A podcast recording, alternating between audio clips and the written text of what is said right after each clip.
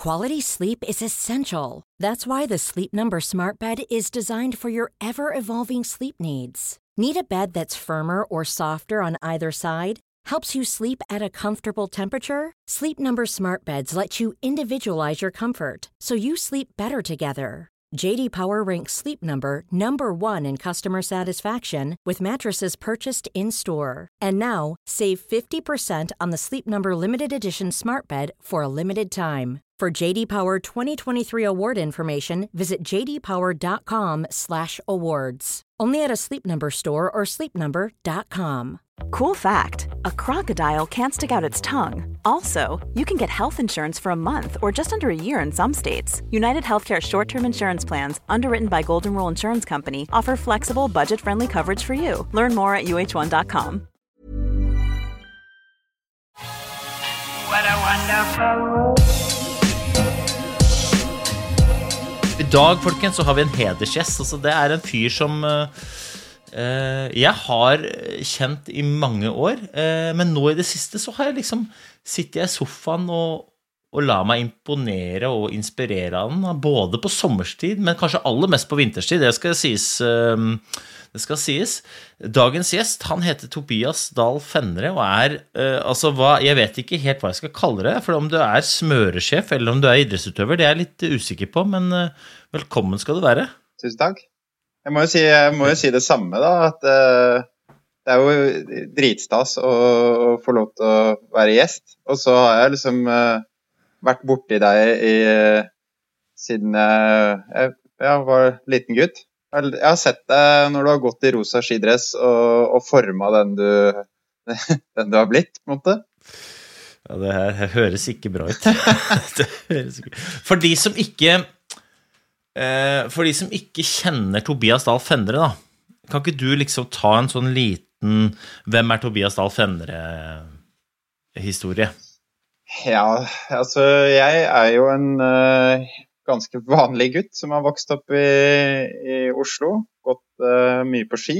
Driver mye med forskjellig idrett. Og så ja, havna inn i samme type sporet som eh, du havna inn i, med Team Kollen og skikkelig ordentlig bra skimiljø i, i Oslo.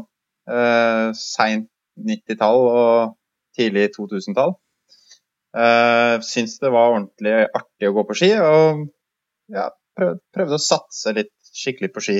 Gikk på skigymnas og var på noen sånne her privatlag og sånt. Og så um, klarte jeg ikke helt det. Jeg tror kanskje vi, jeg tror vi to har ganske mye til felles. Du var en ganske mye bedre enn meg, men uh, vi hadde litt de samme greiene som vi sleit med. Jeg har hørt en del podkaster fra deg nå i det siste, så jeg kjenner meg veldig godt igjen i dette mentale spillet, f.eks. Og, og litt sånn. Det, det, kort fortalt, det funka ikke 100 Jeg var god, men jeg ble ikke best. Og så fant jeg på noe annet. Begynte å jobbe med ski. Jobba på Fischer. Uh, Finor i Nittedal. Uh, blei en, ble, jeg blei flink til å drive med ski.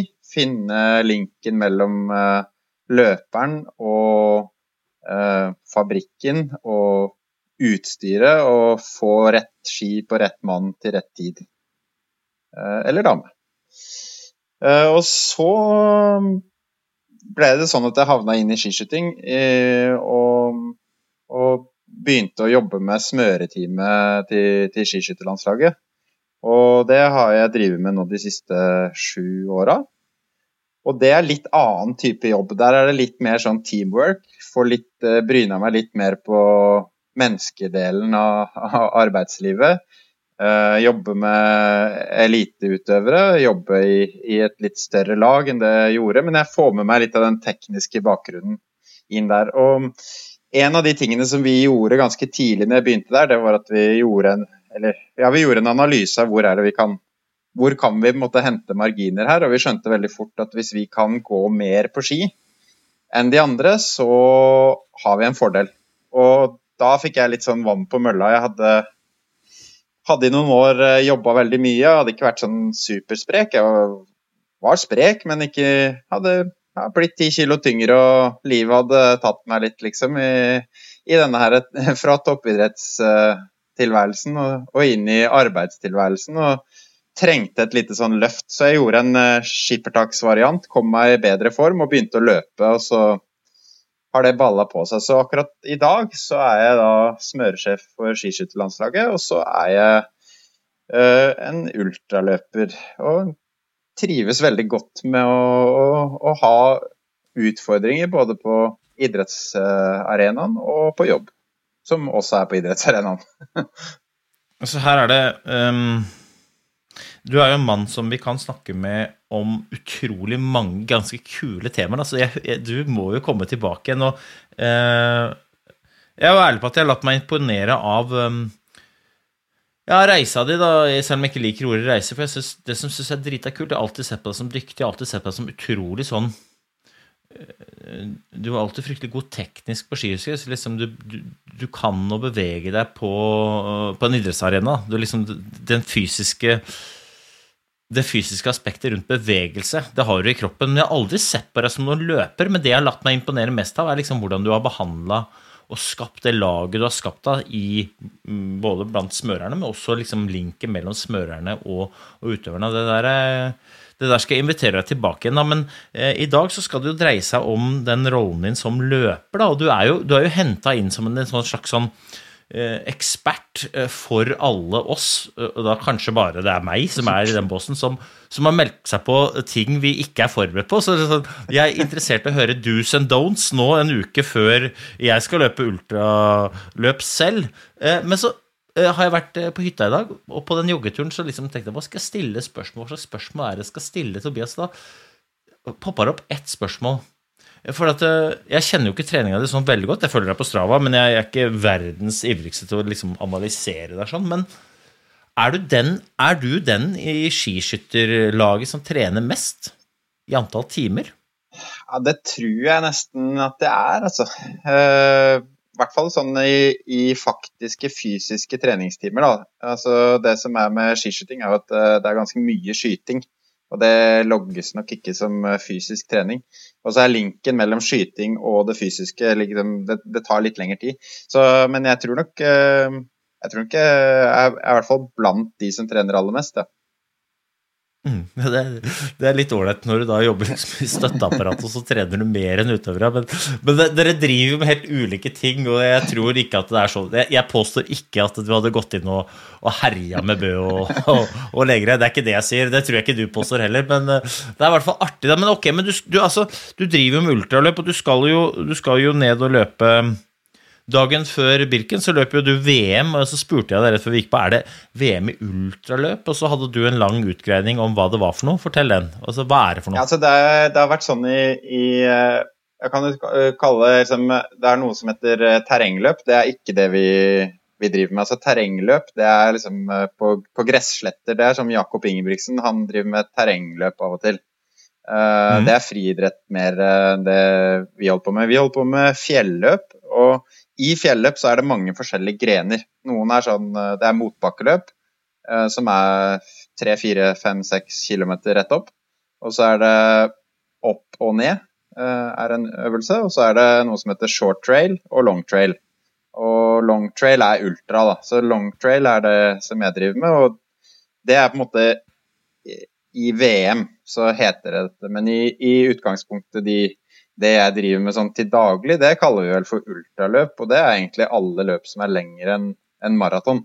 Så så lenge du krysser et maraton, uansett hva slags underlag du løper på, eller hvor mange runder på Altså om du løper runder på en bane, eller, eh, eller hvordan du gjør det, så, så, kalles det for ultra. Men jeg løper ultraterreng, og sånn internasjonalt kaller vi det for ultratrail, på en måte. Så det er, det er min gren.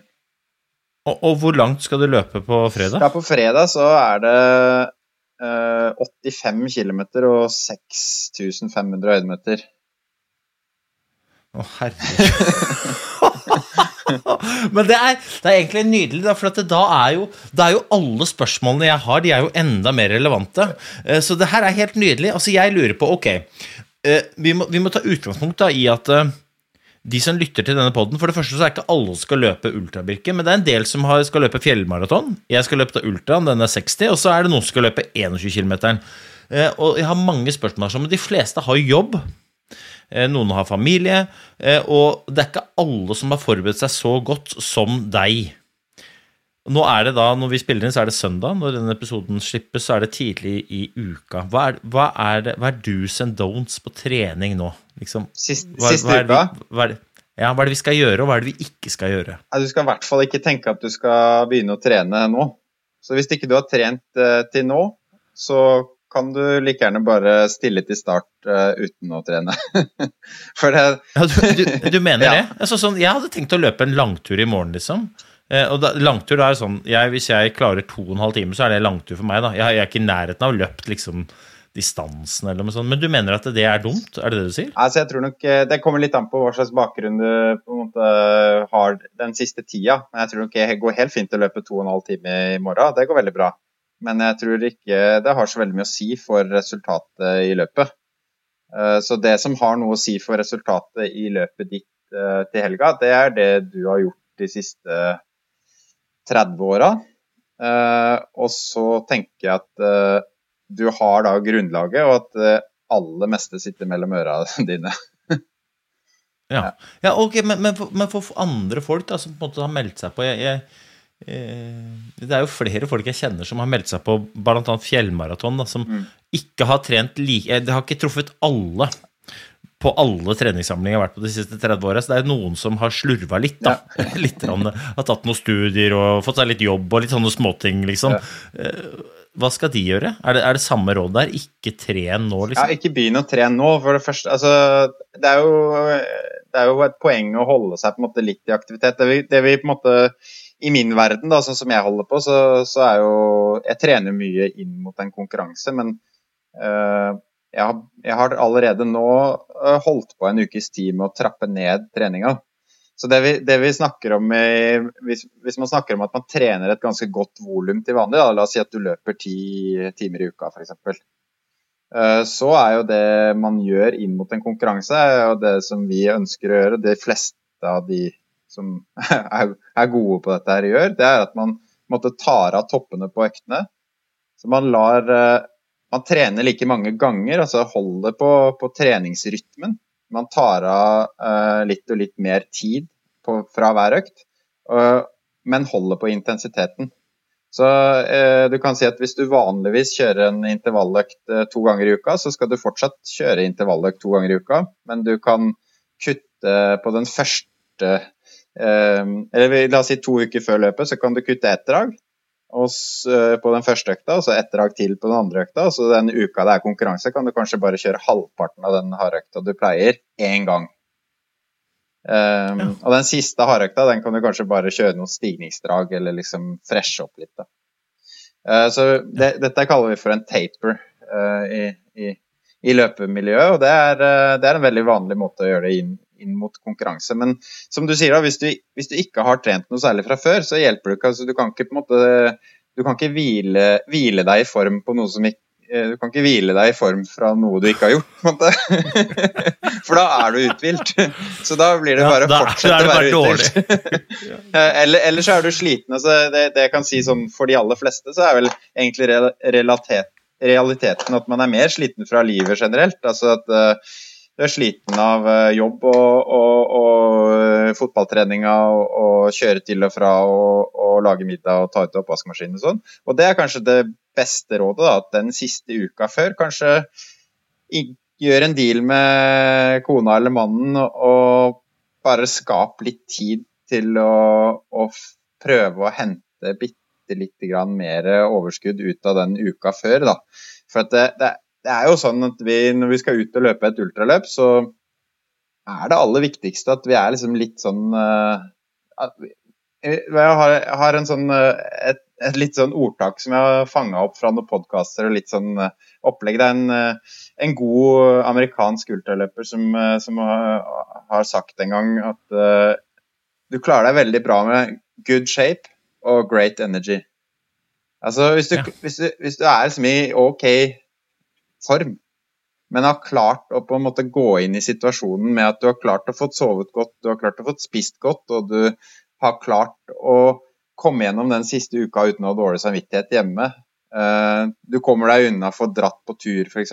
med kompiser. Kanskje man skal kjøre til Lillehammer med, med guttegjengen. ikke sant? Og, og, så gjør du det med et smil om munnen, og, og, og unga og, og kjerringa eller mannen vinker deg av gårde og er happy, på en måte.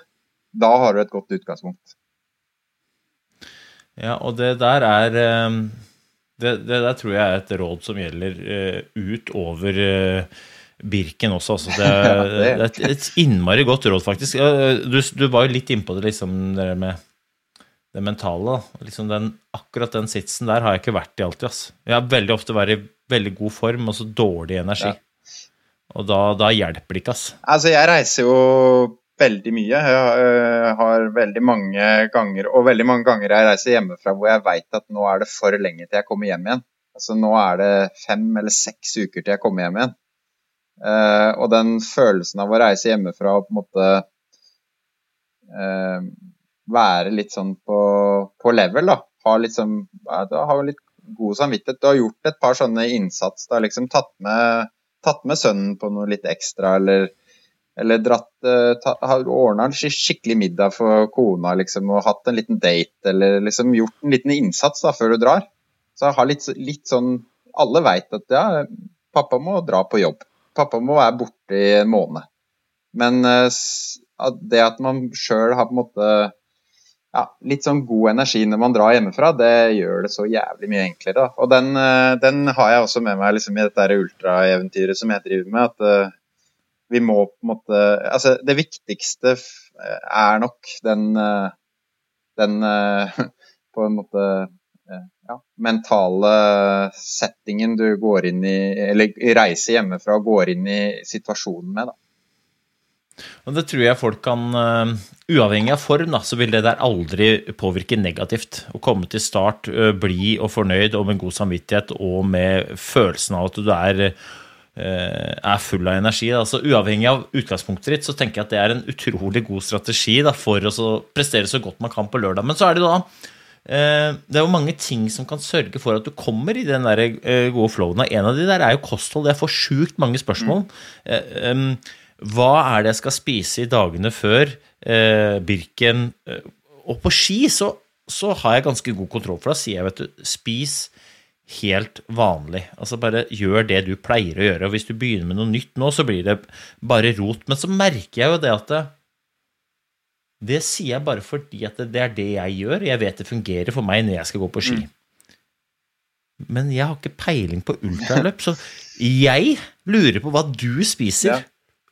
i uka før ultraløp. Og så aner det meg at det svaret er omtrent sånn som jeg pleier å gi. Men jeg, jeg stiller spørsmålet likevel, ja. og så kan du være ekspert. Ja, nei, altså, akkurat når det gjelder kosthold, så er jeg, jeg prøvd veldig mye rart. Da. Altså, det, er jo, det er jo kanskje det hotteste man kan på en måte dra opp en diskusjon på. Det er liksom hvordan bør du spise?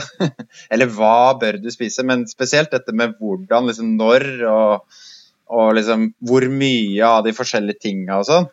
Uh, og det, altså, jeg er jo helt ærlig på at uh, det som ofte skjer, da, det er jo at du skal reise et sted. Så at du skal jo du skal jo dra et sted for å løpe. Det er veldig sjelden at du kan uh, tre på deg skoa ned på jordet der du bor, og så løpe den konkurransen som du har gleda deg til. Er, hjemme hos deg så funker det kanskje på Ultrabirken, men neste gang du skal løpe ja. løp, så er det ikke sånn. Og da er det jo liksom viktig at man planlegger, og det kan være sånn akkurat det, det, spørs hvor, hvor, nervøs man er, og hvor uh, gira man er, og hvor mye man har lyst til å gjøre. Det funker helt fint å bare gjøre akkurat det man pleier å gjøre. Uh, det fungerer veldig bra. Og så fungerer det også veldig bra hvis man putter inn litt ekstra karbohydrater i, de, i måltidene de siste dagene. Spesielt hvis man normalt sett ikke er så hypp på karbohydratene.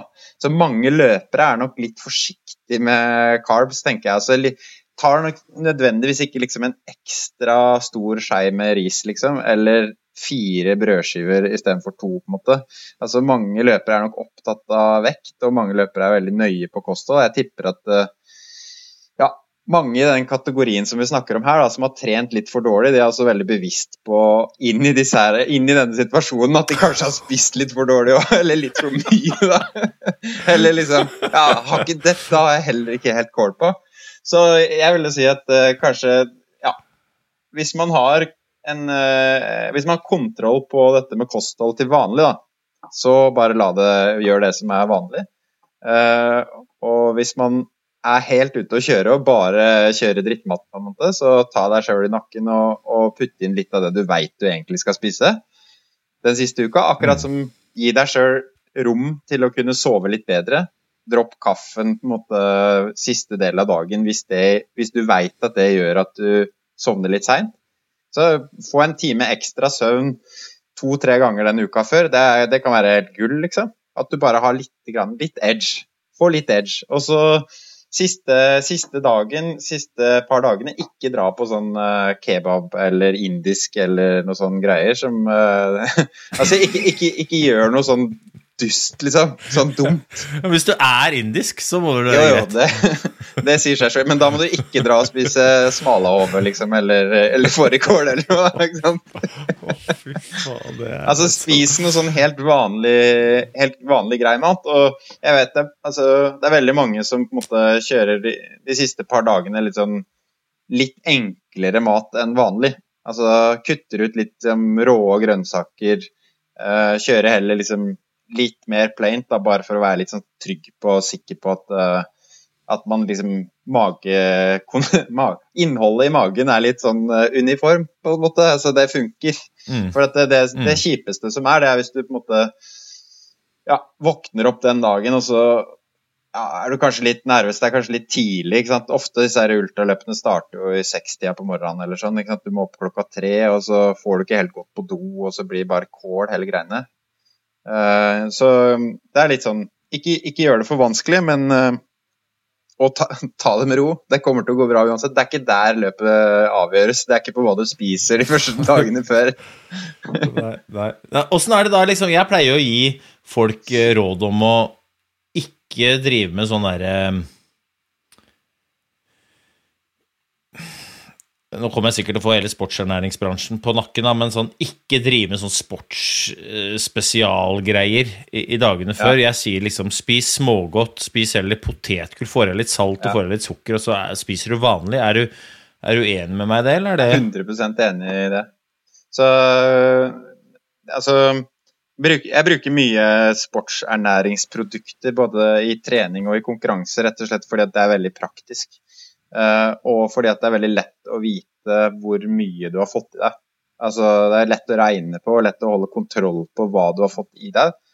Uh, og sånn sett at man kan trene på det. Så hvis du tar dette litt videre da, så sier at uh, du har kontroll på treninga, du har kontroll på, på livet generelt og søvn og alt mulig, og så, og så, skal du på en måte begynne å ta deg et steg videre her. Altså, sånn som jeg jobber med, med min prestasjon, på en måte. Så så jobber jeg med å trene magen på å tåle det som kommer. fordi det er ikke noe tvil om at uh, magen er en, altså, magesekken er en av de organene som får kjørt seg absolutt mest i et ultraløp. Da. Mm.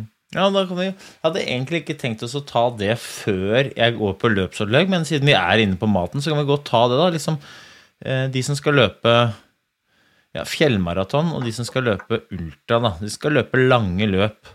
Eh, hvor mye, hvor ofte altså, Jeg bare spør deg, hva er det du pleier å, å, dytte i gapet i løpet av en time på et sånt løp som varer Nå vet ikke jeg hvor lenge du er ute, men så hvis du skal løpe 85 km, så er det jo um, du må jo, Selv du bruker jo mange timer på det. Hva er det du dytter i gapet da, liksom? Ja, altså øh, Det er sånn det er noen sånne litt sånn øh, regler som har blitt litt sånn øh, Altså, det fins en del forskning på dette her. Så det fins en del sånne eh, tall på hvor mye Altså vi snakker om eh, tre egentlig vesentlige ting som må inn.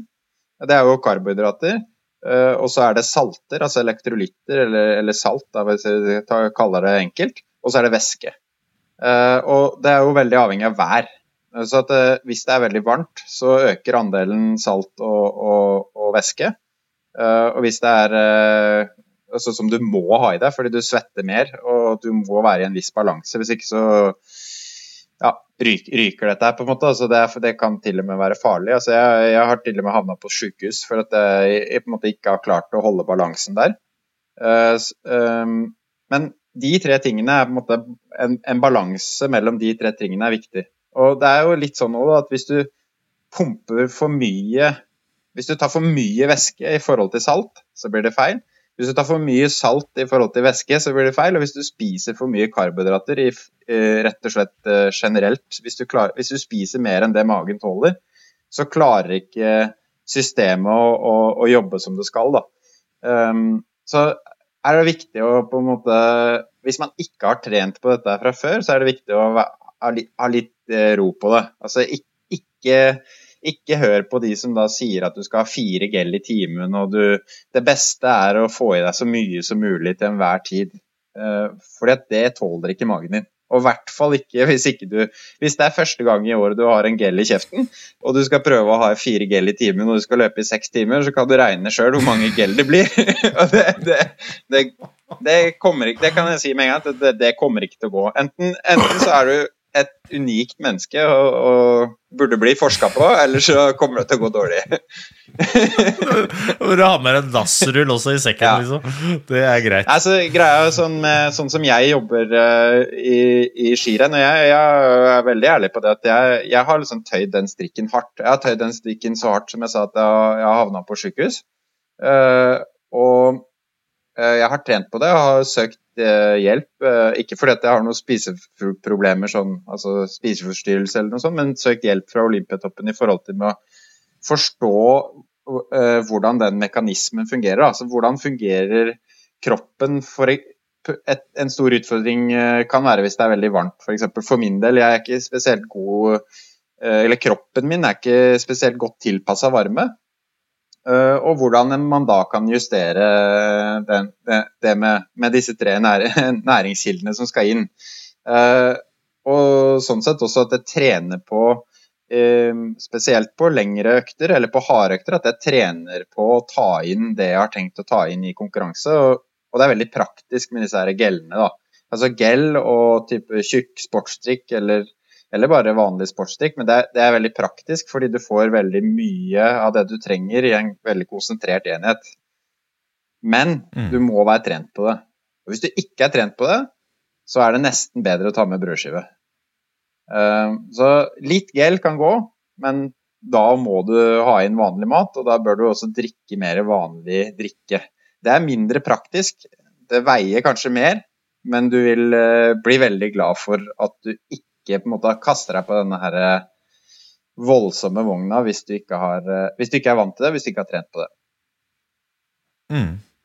Men da, når du sier litt gel, liksom, hva vil det være for en, en, en, en, som skal løpe de løpene som vi snakker om? da? Liksom, vil det være én gel liksom, i timen, eller det være, er det mindre enn det? tenker du? Jeg tenker at uh, man i hvert fall ikke bør begynne med mer enn det hvis, hvis man ikke er vant til det.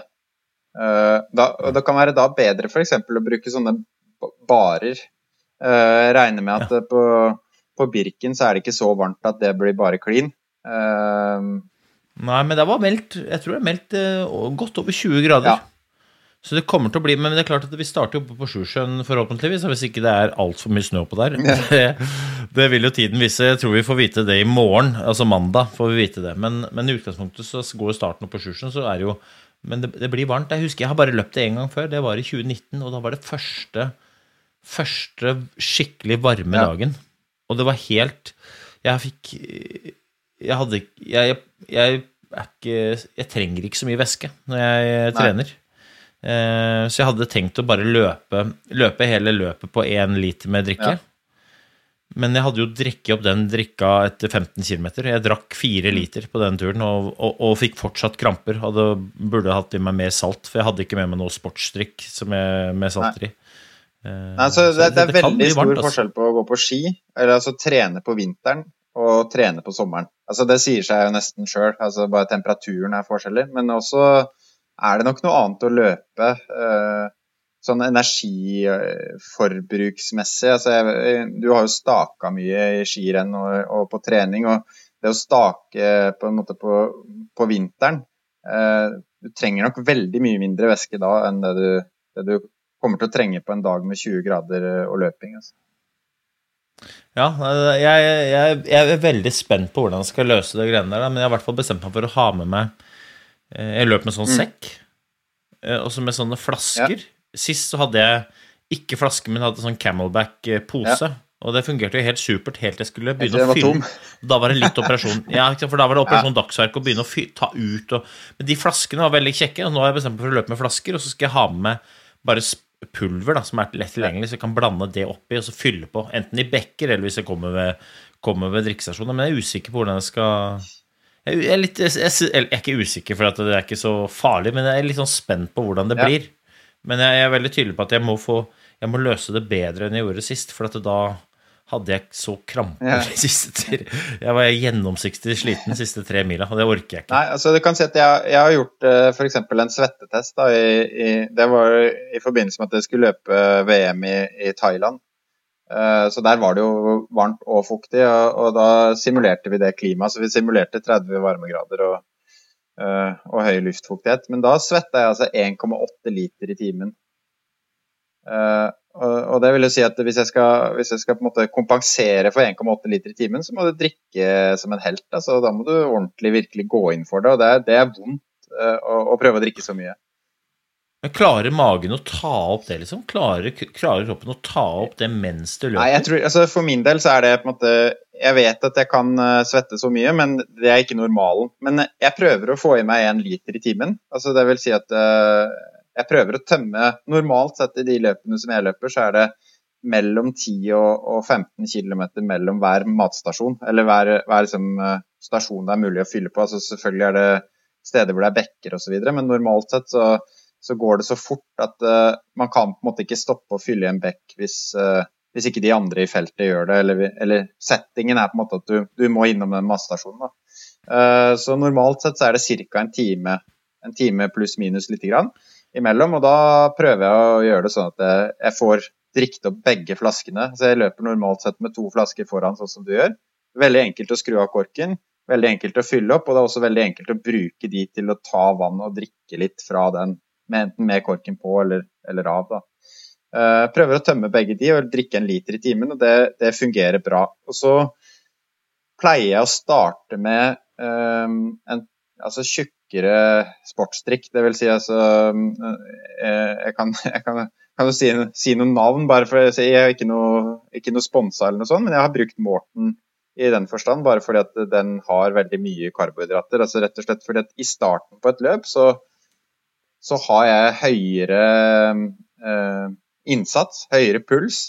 Eh, veldig ofte så starter jo løpene som jeg løper i en landsby, og så er det 1000-1500 høydemeter rett opp ut uh, fra start. Det er, en, det er, en, helt vanlig setting, og da er det sånn at det, det, er, det er, tungvint å kåle med gel og få opp ting i den settingen, spesielt første halvtimen. Da, da er det trangt i feltet og, og, og, mye som skjer.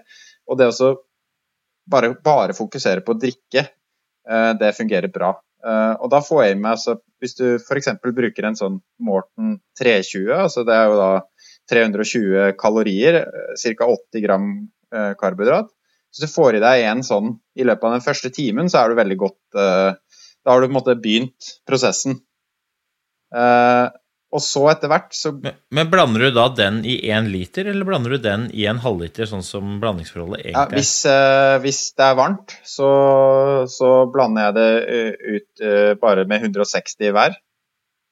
Hvis det, er, hvis, det er, kjøligere, så klarer jeg å drikke den tjukke, grisete greia i én flaske. Og da syns jeg det er diggere å få måte vanlig vann eller, eller en van, tynnere sportsdrikk på den andre flaska. Da.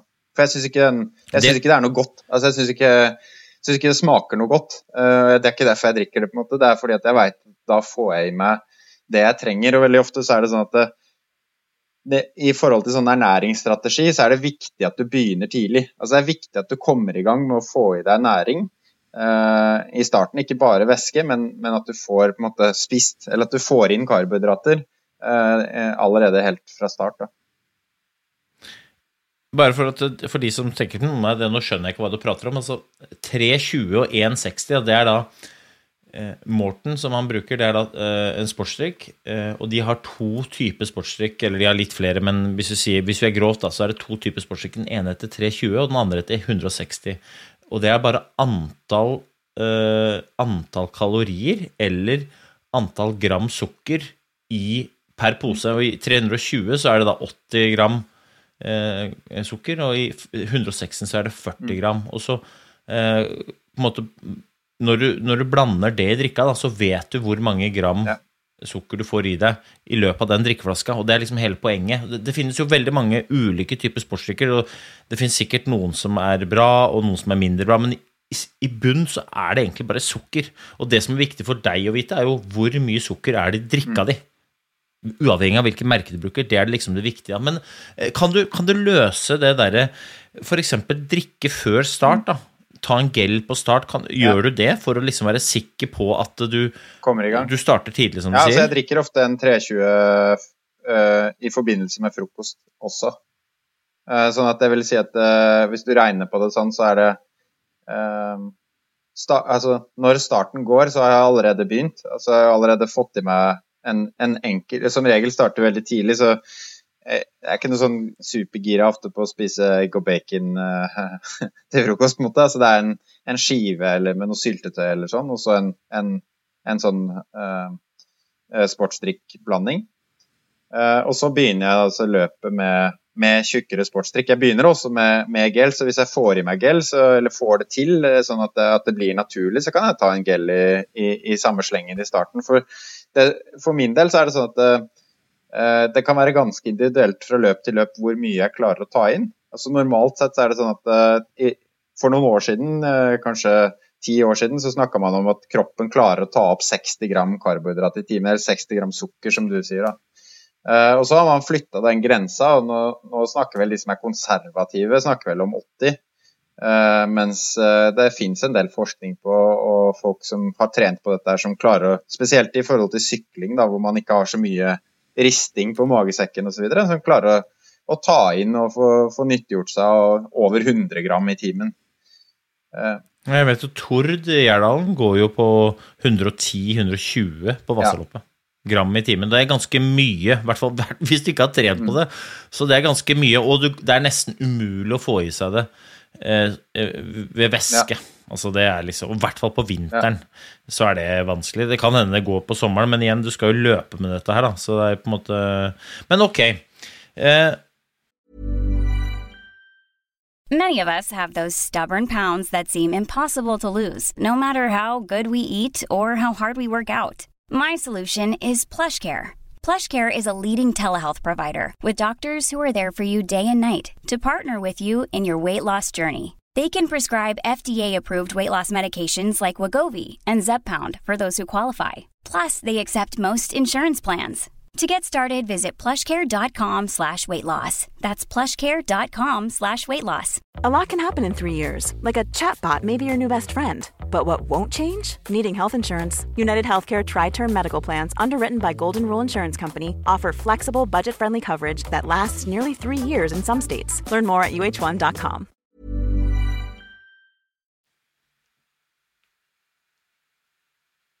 Du sier jo at det er viktig å begynne tidlig, og noe av det har med intensitet å gjøre.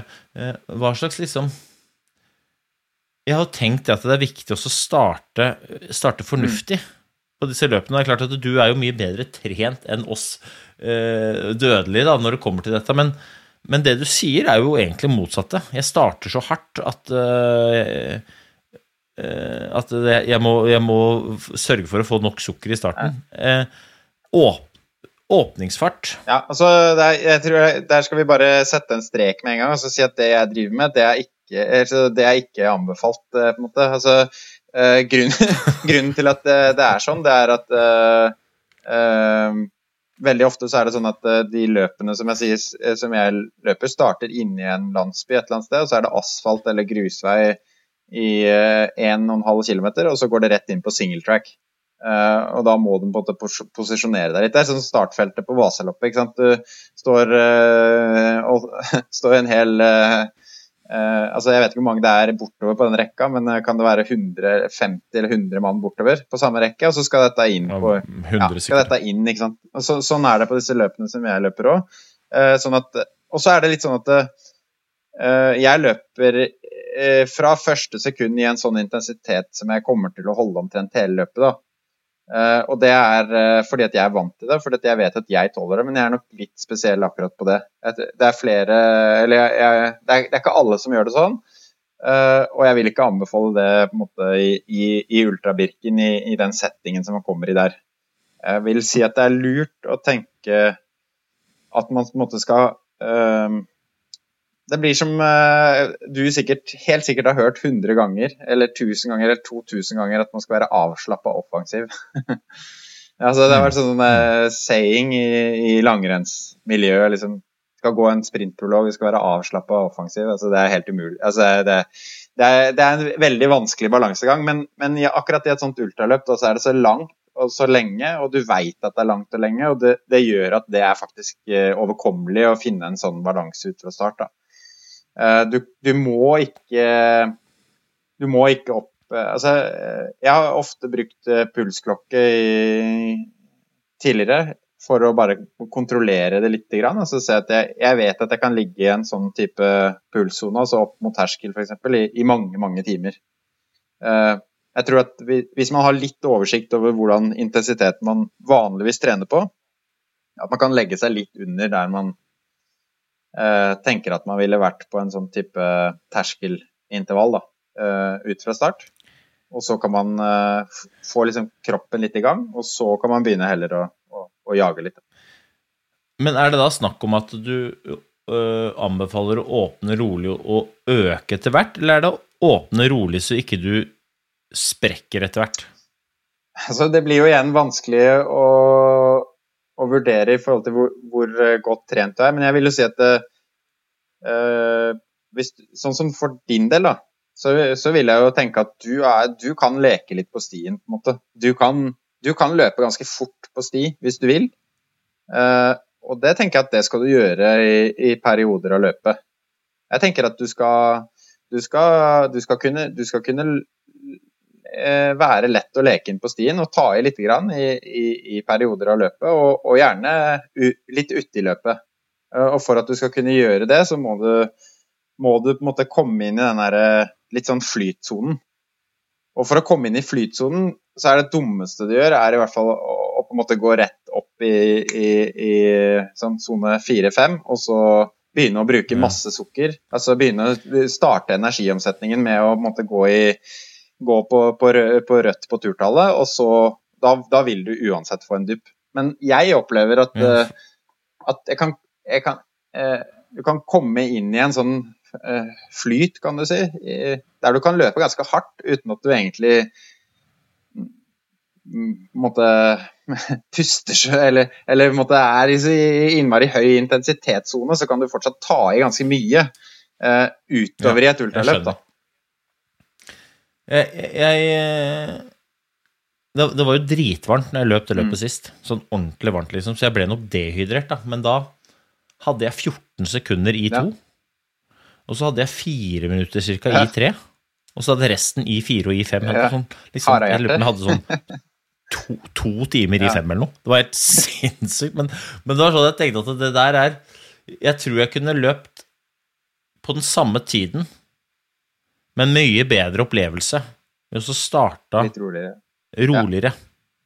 Eh, jeg hadde aldri gjort det før. Jeg bare løp og tenkte ja, men nå løper jeg sikkert rolig. Og så følte jeg at jeg løper rolig i forhold til at jeg Var i konkurranse. Det var ikke Ja, det var liksom det var, Dette er jo ikke Hva er dette ultragreiene, liksom? Men så ble jeg jo så gjennomsiktig sliten at jeg Og så vidt jeg kom meg til mål, Ja. liksom. Eh, så, men, men eh, jeg liker jo den der, Jeg liker det bildet, da, for det tror jeg kan alle kan relatere seg til. Det der, å være litt sånn leken i perioder, og gjerne litt uti. Hvis du klarer å komme litt uti, om det er jo fjellmaraton du skal løpe, eller ultravilken, eller vanlig 21 km nå, for den saks skyld, må føle deg litt leken. Men det er veldig lett å bli dratt med, da. Og da føler du deg absolutt ikke konge, men du føler deg helt knekt. Og hvis du er liksom Du er helt knekt på 18 km, og du skal løpe om det er 42 eller 60, da, da blir det ikke noe gøy. Altså du kan at det, er jo en ting som ikke vi har snakka om. Vi snakka litt om trening der uh, i, for, i, uh, i, tidlig her.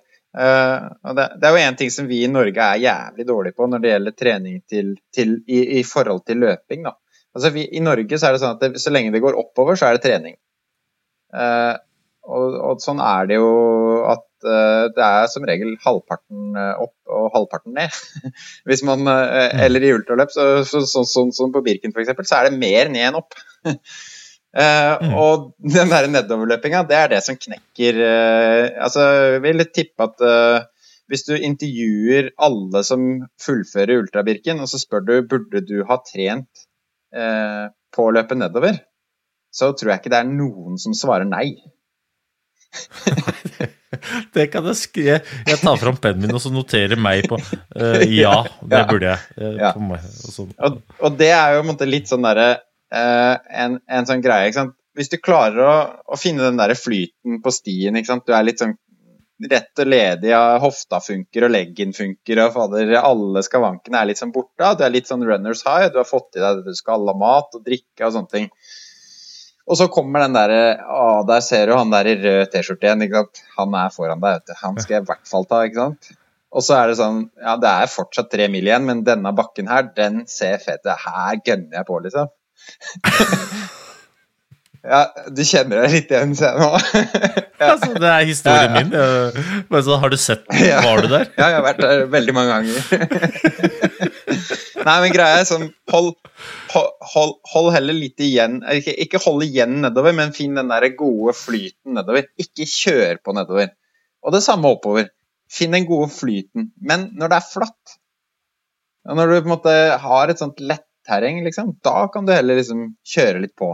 Gi litt gass. For dette, da, da, ryker ikke muskulaturen din, og, og hjertepumpa og energiomsetninga ryker heller ikke. For det er jo det som skjer hvis du kjører for hardt oppover så bruker du for mye energi, eh, og du går tom, eller du, du på en måte Ja, eh, systemet ryker til slutt. Altså motoren dauer. Mens hvis du løper for hardt nedover, så ryker jo chassis, på en måte. Altså, da ryker jo sener og ledd og muskulatur, og spesielt dette med liksom, lårmuskulatur eh, for løpere. Og, og, og, hvis man snakker om ultrabirken eller birkebeinløper generelt, da, så, så er måte nedoverløpinga blir et stort problem. Da, for det, folk har ikke tenkt på det. Uh, noen har sikkert gjort det, sikkert noen som er kjempesmarte og erfarne, men, men det, er jo, det, er jo, liksom nøkkelen her. da, Få trent på å løpe nedover. Uh, sånn at til neste år, Øystein da, da må du opp i ringa liksom, når det begynner å bli vår. Så må du hive deg opp og, uh, om morgenen, og så må du jogge opp på Bådbergskampen. Og så må du løpe hardt ned igjen. Og så må du jogge opp igjen, og så må du løpe hardt ned igjen. Og Det er, liksom, eh, det er måten å gjøre det på for å, for å få de beina som du vil ha eh, siste delen av dette løpet. Det er å, å, bli vant til å banke beina. Ja, jeg kan jo bare dele min erfaring. altså, jeg eh, fikk eh, kramper når det var igjen ca. tre mil. Og det var etter at jeg hadde løpt ned fra Neverfjell Ja og begynte å nærme meg Nordseter. Og da begynte jeg å kjenne det på så fader, dette er krampe. Så løp jeg litt sånn da, da traff vi da de som løp fjellmaraton, så jeg måtte ut av stien og løp liksom i sånn kjørr. Ja. Og, og, jeg husker jeg løfta beina så høyt og fikk helt krampe på framsida av låra. Hadde bare Det her går jo ikke. Og jeg kom til Sjusjøen, skulle løpe ned fra Sjusjøen til Lillehammer. Det er altså det, det, vondeste jeg har gjort i hele mitt liv. Jeg er veldig tydelig på at det er langt ifra den beste sportslige prestasjonen som, med tanke på nivå. Men skal komme til liksom hvor, hvor djupt jeg gravde, så er det by far Altså, helt alvorlig, jeg, hadde, jeg kunne sykla eh, Trondheim-Oslo 100 ganger. Det hadde ikke vært i nærheten av det jeg gjorde fra Sjusjøen og ned når det kom til å grave ut krefter av kjelleren. Altså. Det der er spennende. Ok, Nei, men det er greit. Da har jeg fått med meg det. At uh, vi må Og jeg liker det bildet ditt, da, Tobias. liksom det der og, eh, og, og det der bruker jo vet at Spesielt langrennsleiren har jobba veldig mye med det. Liksom det å gå fort der hvor det koster mm. minst, og så heller gå litt rolig der hvor det koster mye. For der er differansen ikke så stor allikevel. I tid da, og i fart, men det koster så mye. Så det er et fint, fint råd til alle. Men eh, jeg har to ting igjen. Det ene er sko. Hva slags type sko Altså, jeg har jo meldt litt med deg. Jeg har da Jeg har lurt på å løpe liksom, Jeg har valget mellom å løpe en litt sånn skånsom sko, myk sko, og en litt mer responsiv sko. Og det, det tror jeg det er mange som har, da. Liksom Man sitter og lurer på den ene, er jo litt mer responsiv, veier litt mindre, er raskere. Mens den andre er skånsom og skal løpe så lenge. Så har jeg da tenkt at eh, jeg er usikker på hvem av de to jeg velger. Jeg vet hva jeg ville valgt hvis jeg skulle løpe 21 km. Da hadde jeg tatt den, den, den mest responsive. Men skal jeg løpe tre ganger, så vet jeg ikke. Jeg tror det handler om hva du er vant til. Eh, så igjen kommer det jo tilbake til de forberedelsene man har gjort. Altså hva har man trent med? Eh, og, og hva føler man seg komfortabel med? Eh, det man i hvert fall ikke skal gjøre, det er å kjøpe seg nye sko. Altså Du kan, må gjerne kjøpe deg nye sko på messa i Håkonshall, men ikke bruk de på løpet. Fordi at Hvis ikke det er den samme som du har trent med. det, det, Ja, for hvis det er samme modell, så er det greit. helt greit. Det går bra. Men ikke liksom gå på en sånn derre uh, Kjøpe det nyeste, råeste på Håkonshall, og så tre det på seg første gang på morgenen og dra av lappen og så stikke ut. Det er dumt. Uh, da ender det sånn Da ender det med sånn eh, bilde sånn som jeg fikk, uh, fikk fra deg, med en sånn hæl som har masse plasterlapper på. Eh, eller, eller at du tråkker over, eller sånt. Altså, det handler jo om Det er, det er litt sånn der, Det er litt det samme som med farta her, da. Det handler om litt sånn trygghet. Altså, eh, ta, ta bremsene litt. Grann. Det er langt. Um, det hvis det er regnvær, så må du ha greit, bra grep. Det er bra. Men det er ikke noe stort problem på Sjusjøen. Det, det er ikke veldig glatt. Det er ikke noe veldig mye fjell som har masse mose på seg. eller sånn. Det, det er ikke kjempeglatt, så det er ikke, det er ikke, det er ikke veldig problem i det løpet. Og så må du ha komfortabel sko. Altså en sko som du veit at foten din eh, passer i, og, at, og som du har løpt noen lange turer med uten å ha fått vondt. For det, det er sånn eh, Enten så presser skoa et eller annet sted, eller så funker ikke snøringa helt. Du får ikke lokket den helt rundt foten. ikke sant? Det er mange sånne issues. Også føttene våre er helt jævlig. ikke sant? Og alle føtter er forskjellige. Er helt jævlig å tilpasse. Å få vondt i føttene er dritvondt. ikke sant? Du skal, må ha en sko som er komfortabel. Men hvis det er sånn at eh, du da står imellom en responsiv sko, som er lett og som er rask, og nå, nå etter at vi har fått dette karbongreiene inn i bildet, hvor du har raske, responsive sko med mye demping, eh, så er jo ikke jeg noe redd for å starte med den skoa, så lenge du har prøvd å løpe i den over tid før. Um, Mm. Da vil jeg jo tenke at eh, det er jo et smart eh, valg. Men eh, hvis, du, hvis du ikke har prøvd å løpe, la oss si tre timer i hvert fall, uten å ha vondt på den skoa før, så vil jeg jo tenke at det, det er litt vågalt å kjøre den. Da ville jeg heller kjørt den trygge som du er vant til, som du har løpt alle langturene med. da. Mm. Ja, det er et fint um, jeg, jeg har en tendens til også å ha Når jeg begynner å løpe, spesielt når jeg løper nedover, da, så liker jeg at skoen skal være tight. Og så når jeg løper lenge, så blir foten litt Ja. større. Og så når det begynner å løpe nedover, så har en tendens til å banke tærne inn i skoen foran, og så detter alle neglene av. Det er helt vanlig. Ja, er Ja, det helt vanlig? Eh, så jeg har ikke så mye negler igjen uh, når det blir uh, september som regel hvert år. Jeg, vet, jeg vet ikke helt hvorfor det er sånn, men jeg, jeg, tror det, jeg tror det på at det er nesten litt uunngåelig at, at uh, tærne får juling. Altså, man kan kanskje gå opp halvt, eh, en halv størrelse, men det er jo noen ting man kan gjøre der. ikke sant? En ting som er eh, jeg mener at alle bør gjøre, det er også å bruke vaselin eller uh, en eller annen form for altså Det fins jo sånne her, Syklistene bruker noe som heter sjarmoiskrem. Altså uh, type um, fett eller smøring. Og bruke det eh, på føttene. Bruke det mellom eh, låra og balla, holdt jeg på å si. Eller for, både for kvinner og menn. Altså, det blir sårt. Alle steder som gnisser, smør det inn. For det, Ja, altså, du smører inn føttene med vaselin før løpet, Ja, er det det du så sier? smører inn eh, smører mellom tærne, smører eh, på utsida av stortåa, smører liksom på, he hælen. Eh, ikke under, eh, ikke under eh, foten, men det som ofte skjer, er jo at du holder på lenge, du blir litt våt. ikke sant? huden eh, når, når, du har smurt huden med, med, fett, så tar den ikke til seg så mye vann. Eh, og så eh, blir, for Det er jo det som skjer når du, når du blir våt og er våt i fem-seks timer på, på, på, føttene. Enten om du svetter vått så du blir våt, eller om du tråkker under bekker, eller hva du skal gjøre. Og så utvider det seg både fordi at du får for mye blod, ikke sant. Altså at du, får væske i kroppen rett og slett helt naturlig, men i, i tillegg for at uh, huden utvider seg, sånn som i et uh, badebasseng. og dette her er ikke noe bra. Det er ikke noe god, god greie. Så gode sokker smøre med Altså går helt fint å bruke vaselin, men om du har annen type Det fins jo spesielt tilpassa smøring. Altså Squirrels nut butter er sikkert det, det mest vanlige. Bare google det etterpå. Det er, det er så eh, lagd for å smøre balla på, på løp, ikke sant.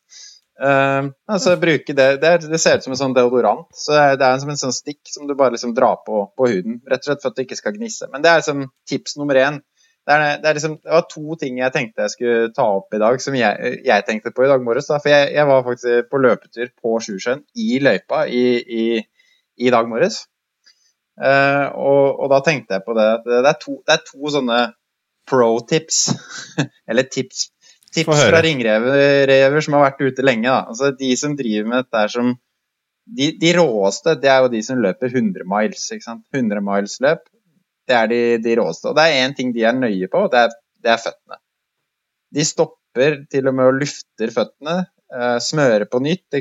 Hvis føttene ryker, så ryker løpet. Og, og, det gjør nok ikke det på ultrabirken for deg, for du klarer å, som du sier, å, å pine deg fra Sjusjøen og ned selv om du ikke har negler igjen og alt blør og er helt jævlig. Men du trenger ikke det, da. Så det hjelper veldig å smøre. Og smøring, det er liksom tips nummer én. Skaff. Vaselin funker. Det fins enda bedre varianter. Det fins eh, det som jeg sier Charmoise-krem som syklistene bruker i rumpa, alt jeg på å si. Eh, det fins Squirrels Nut Butter. Det fins andre varianter som, som er laget for dette her. Smør tær, smør uh, hæl, smør uh, i skrittet, smør under armene, smør på brystvortene. Altså, det ikke noe som er verre enn de brystvortene etter at den sekken har rista og flasken er helt jævlig, og du tok feil trøye som har gnissa og alt mulig. ikke sant? Eller eventuelt teip brystvortene. Uh, for damer er jo dette et enda, enda, mye større problem enn det, men det er for oss. De sekkene med sånne flasker foran er ikke akkurat ergonomisk tilpassa damer. Det er noen som har prøvd å lage det, men de funker ikke noe sånn kjempebra, er mitt, eh, mitt inntrykk. Så uh, smøring er liksom tips én. Tips to, uh, det er salttabletter. Så ha med salttabletter. Det fins salttabletter på apoteket. De er ganske enkel sammensetning. Uh, så jeg ville heller anbefale type sport, altså sportsernæringsprodusenter lager salttabletter med Eh, riktig innhold av elektrolytter, altså forskjellige typer salter, og, og, og, andre tilsetninger. Du kan få med koffein uten altså, uh, hva du vil, men ha det tilgjengelig. For det er sånn lifesaver når du begynner å få de der krampene som, som du fikk, da. I og da, og da, knekker du bare den eh, rett inn, eller må det blandes i vann? Eller Nei, det fins forskjellige varianter. Det fins noen som er på en måte sånn pulver du blander i drikka. Eh, jeg liker å ha kapsler, altså som en sånn vitamintablett. Eh, det fins tyggetabletter, og det fins forskjellige, forskjellige, typer. Men, men, kjør inn på et par sånne når du begynner å, å, å, komme i en sånn situasjon som du har gjort der. For det du har bomma på da, det er at du har fått for lite salter i Du har drukket for mye, hatt for lite salter, i for lite sportsdrikk. I mange tilfeller så holder det ikke engang å på en måte drikke bare sportsdrikk. Altså, det er ikke nok salter til å på en måte For, for mange så er ikke det nok. No, altså det er veldig forskjellig hvor salt folk svetter. Uh, og det å bare ha det tilgjengelig når Hvis man ikke har erfaring med det, når krisa kommer, sånn som, uh, sånn som du beskriver, uh, så har du en, en, Du har i hvert fall ett verktøy du kan dra opp. Da. Du kan ta deg to, to sånne med en gang, og det vil hjelpe ganske raskt. Men, men kan, Må man vente til man begynner å kjenne det, eller kan, kan man drive med dette på forebyggende yes, basis? Det, er jo på en måte punkt to, da, men det, det går igjen på forberedelser og erfaring og, og, på en måte treninga av magen, eller hele, hele ernæringsaspektet av ultraløp. Altså, ultraløp er jo bygget opp av mange eh, enheter. ikke sant? Du har, du har liksom på en måte treninga, du har teknikken, du har på en måte logistikken. hvordan skal du få hjelp, hvor skal du få hjelp, eh, hvor mye næring når. Og der kommer, eh, kommer salttablettene inn. ikke sant? Hvor mye tåler du, hvor mye trenger du, eh, og når skal du ta det. For min del så er det sånn at jeg, eh, jeg prøver, hvis det er varmt, så trenger jeg å ta salttabletter litt jevnt utover i løpet. Det vil si at jeg har brukt i, i løp på ti timer f.eks., så har jeg brukt fem salttabletter, og det er lite. Jeg vet at på pakka på disse salttablettene så står det to i timen kan være på, på kortere løp. da. Det, står, det er jo også en sånn liksom, Det finnes jo grenser for hvor mye man kan ta inn, så jeg har vært litt sånn restriktiv, men jeg har hatt det med. Jeg har det alltid tilgjengelig. Jeg har alltid noen ekstra tilfeller jeg skal begynne å få litt sånn kramper. Eh, men det er i hvert fall eh, tips nummer to. Det er liksom to veldig enkle ting man kan gjøre som ikke koster mye, og som vil redde de der typiske situasjonene som alle som begynner med ultraløp, kommer i. da. jeg kjenner, jeg kjenner jeg på en sånn sadistisk måte gleder meg til greiene. Men det skal jeg faen meg Jeg skal, jeg skal smøre inn Ja, alt. det må du. eh, med, jeg skal eh, google de butter-greiene og se om det er noe fast shipment som er mulig å få sendt oppover til nøkkelblommen. Eh, og, det andre er salttabletter. Det skal jeg ta. Men da Jeg tipper du finner, Jeg tipper du finner da. begge de to på, på Håkonshall, skal jeg tippe. Men, eh, men eh, akkurat eh, i forhold til smøring, så er sikkert altså, Har man ikke noe annet, så går det an å bare bruke rapsolje eller olivenolje, liksom. Altså bare få på noe fett. Eh, få, på, få på noe Ja. som gjør at det ikke det gnisser. Ja. Ikke ta det er, Jeg får mange tanker i hodet på en gang her. Det er ikke bra. Jeg har bare ett siste spørsmål. Ok, så gjør man alt det, og så kommer man i mål, og så er man eh, fornøyd. Eh, Jeg har ikke så mange erfaring med det, men det jeg vet, var at jeg var altså ordentlig mørbanka. Eh, Hva du kan gjøre liksom, Hva gjør du etter mål for å på en måte ja, bare pleie kroppen, da. Best mulig. Det, altså, jeg husker jeg hadde fryktelig Jeg hadde så vondt i føttene, blant annet. og jeg var sånn, jeg hadde kramper og de sånne ting, men jeg hadde egentlig mest vondt i føttene. ass. Jeg hadde egentlig jeg Bare å ha på seg sokker syns jeg var Ja. grusomt. Nei, det er jo en sånn uh, medaljens bakside som kommer der. Så, altså, det, sånn, eh, det helt ærlige svaret det er at eh, jeg pleier å spy når jeg kommer i mål. Så jeg pleier å spy ganske mye, en uh, par-tre ganger. Og så, fra jeg er ferdig med det, når jeg har fått gjort det, på en måte, så går jo pila i riktig retning. For da har jeg jo slutta å, å på en måte ja, eh, banke opp eh, kroppen. Og så begynner jo kroppen å reparere seg sjøl, og det er jo det som er egentlig greia. Da. Det er jo bare tid. For dette, dette er jo som vanlig trening, og, og som egentlig alle vet, eller burde vite, så er det jo sånn at uh, når du trener, så bryter du ned kroppen, og når du hviler, så bygger du den opp igjen og blir bedre. Og det er jo det som skjer etter et uh, ultraløp. Altså du, du har bare trent noe inn i helvete hardt over ganske, i en ganske kort periode. Antagelig har du løpt eh, lenger enn det du pleier å gjøre på en uke, eh, kanskje på en måned. Eh, og så forventer du på en måte at, eh, at det skal være helt greit å gå på byen etterpå og ta seg et par øl med kompiser. på en måte, Og vi har bestilt bord og greier og biff, og det er helt rått, liksom. og og det, har jeg, måte, det har jeg slutta med. det, eller det, det, er, det er helt uaktuelt. Så det, det beste å gjøre, det er også å få i seg mat og drikke. eh, og så finne seg en seng. Og så ha eh, gode folk rundt seg som, som kan ta vare på deg, på en måte. Fordi at i den situasjonen etter du kommer i mål, så trenger du hjelp. Ja, er, altså jeg eh, Det er jo Barnebirken. Den dagen er det jo Barnebirken, og Ellen er kona mi. Hun er i Oslo sammen med noen venninner, så jeg har sagt til ungene at jeg løper Barnebirken sammen med de, men jeg husker jo sist gang, så da var guttungen Han er født i 2015, han var fire år, og han bare Jeg måtte bare sende den ut Ikke, ikke ut, på løpet selv. Det var sånn Du må komme deg til start også selv, gutt, for jeg, jeg må bare sitte her på gresset med, uten sokker. Pappa er ødelagt. Det går ikke. Så jeg skjønner jo allerede nå at jeg kommer til, det kommer til å bli samme. Jeg, det er jo Champions League-finale den dagen. Jeg har sagt til ungene at kanskje vi skal stikke ned og se på det nede i byen. det, det der kommer jo ikke til å gå. Nei, altså, det, det, er bare, det er jo greit å vite, på en måte, at det er det samme som gjelder der, eh, som i alle andre aspekter som vi, eh, av dette her som vi har snakka om. Det er jo at eh, trening hjelper, da. Eh, så at eh, jo bedre forberedt du er, jo bedre kontroll du har på ernæringa på forhånd, jo bedre du har sovet uka før, eh, jo bedre samvittighet du har for den saks skyld, og jo, og jo bedre trent du er generelt, jo mer du har trent på å løpe nedover, jo bedre du har vært til å, å eh, smøre deg inn, og jo bedre du har vært til å ta riktig skovalg osv. Alle disse tingene hjelper jo på den prosessen.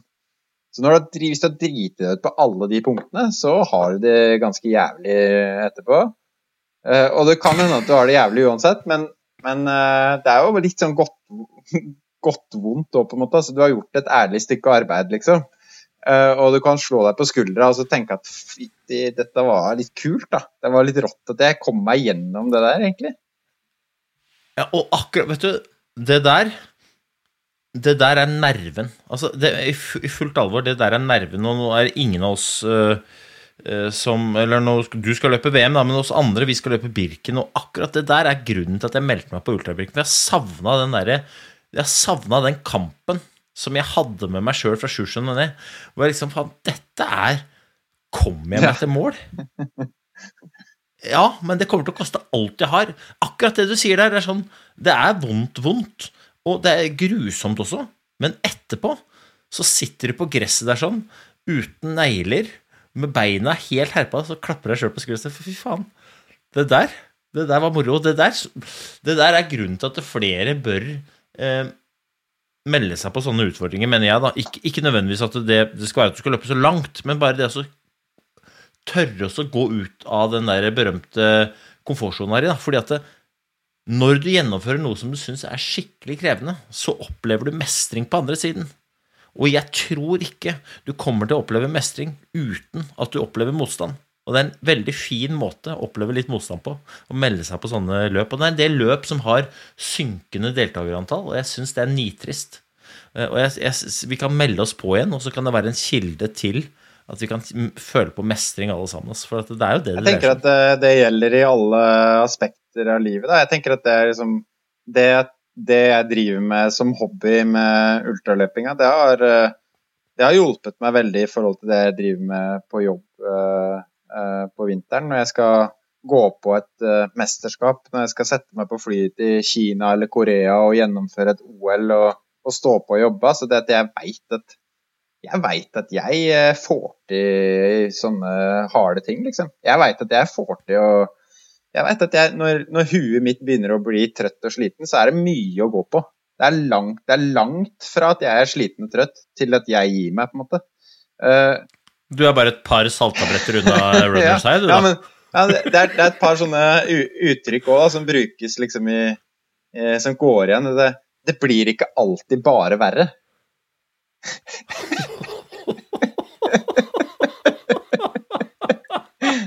Den er fin. Noen ganger så kan det altså Det kan hende at det kommer eh, noe som er bedre måte, i løpet av løpet. Det er jo ikke så Det blir ikke alltid bare verre. Det er faen meg det beste. Den skal jeg tenke på ass, når jeg er helt nede Altså, i sumpa. eh, kona mi er helt eh, rå på dette her. Hun er jo en av verdens beste ultraløpere. Og hun er helt rå på det mentale spillet. Altså, det er veldig enkelt. Det er ikke noe sånn der eh, fancy ingenting. Men eh, det hun sier til meg hver gang, og det hun gjør sjøl, det er at når det, når det blir jævlig, så må du le høyt, sånn at andre hører det.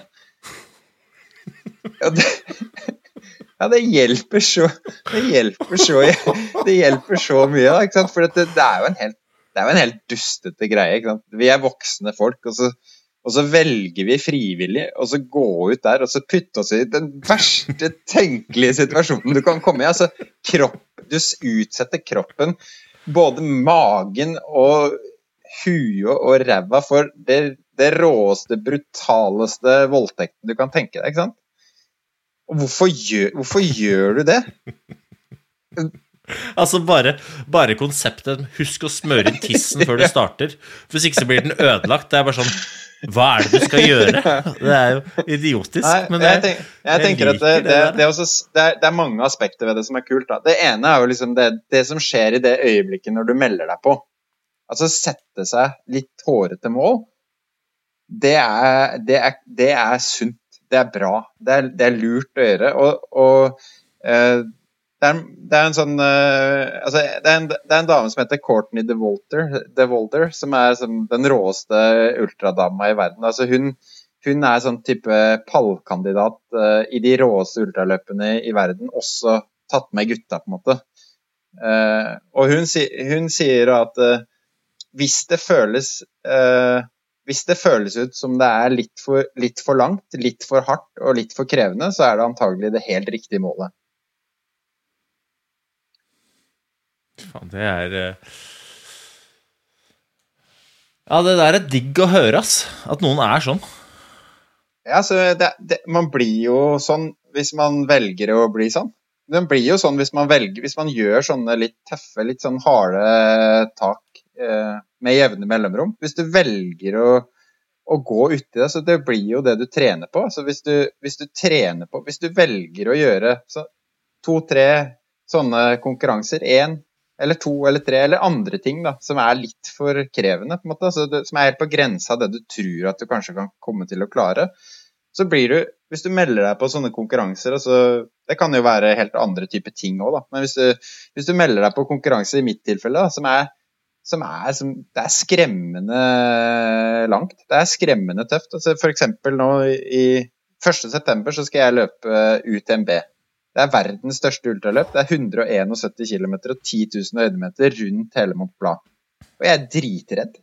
Jeg, jeg, jeg gruer meg og gleder meg og, og alt mulig. Men det, det er én ting som skjer da, når du gjør det. For det første har jeg jobba hardt for å liksom, få lov å, bli kvalifisert. og og, komme inn i systemet og sånt. Så det er jo ikke alle som får det. Altså, jeg er jo privilegert som får lov til å gjøre det.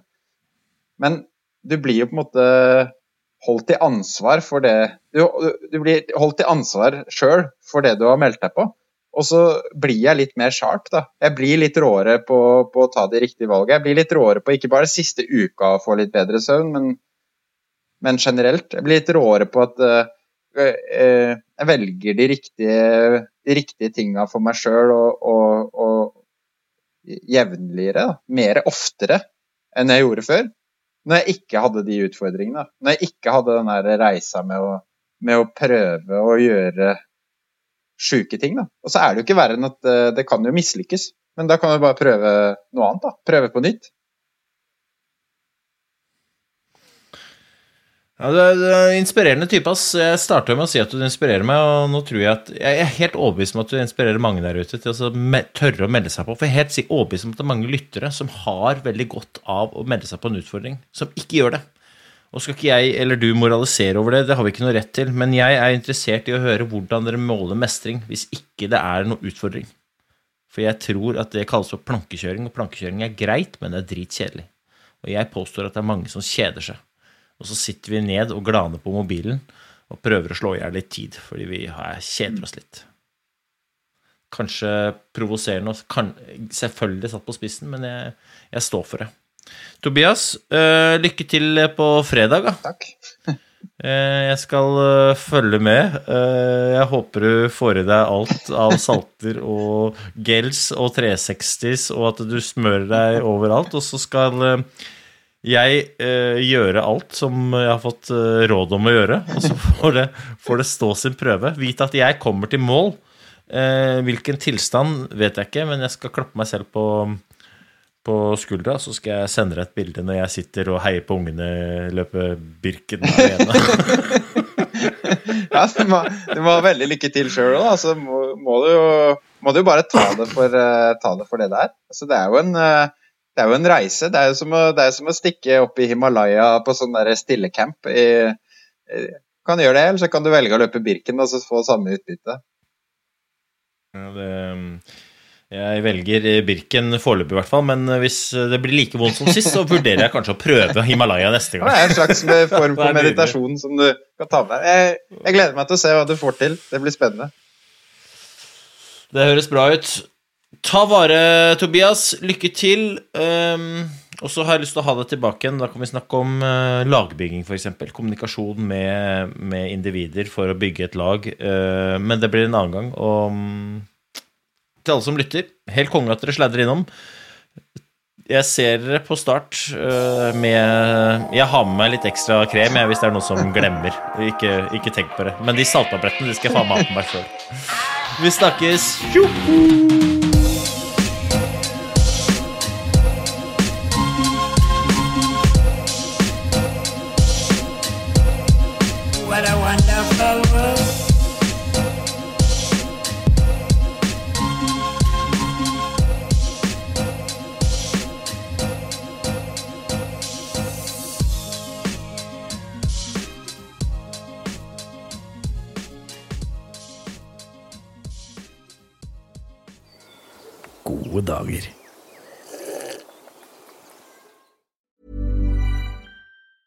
Planning for your next trip? Elevate your travel style with Quince. Quince has all the jet setting essentials you'll want for your next getaway, like European linen, premium luggage options, buttery soft Italian leather bags, and so much more. And it's all priced at 50 to 80% less than similar brands. Plus, Quince only works with factories that use safe and ethical manufacturing practices. Pack your bags with high-quality essentials you'll be wearing for vacations to come with Quince. Go to quince.com slash trip for free shipping and 365-day returns.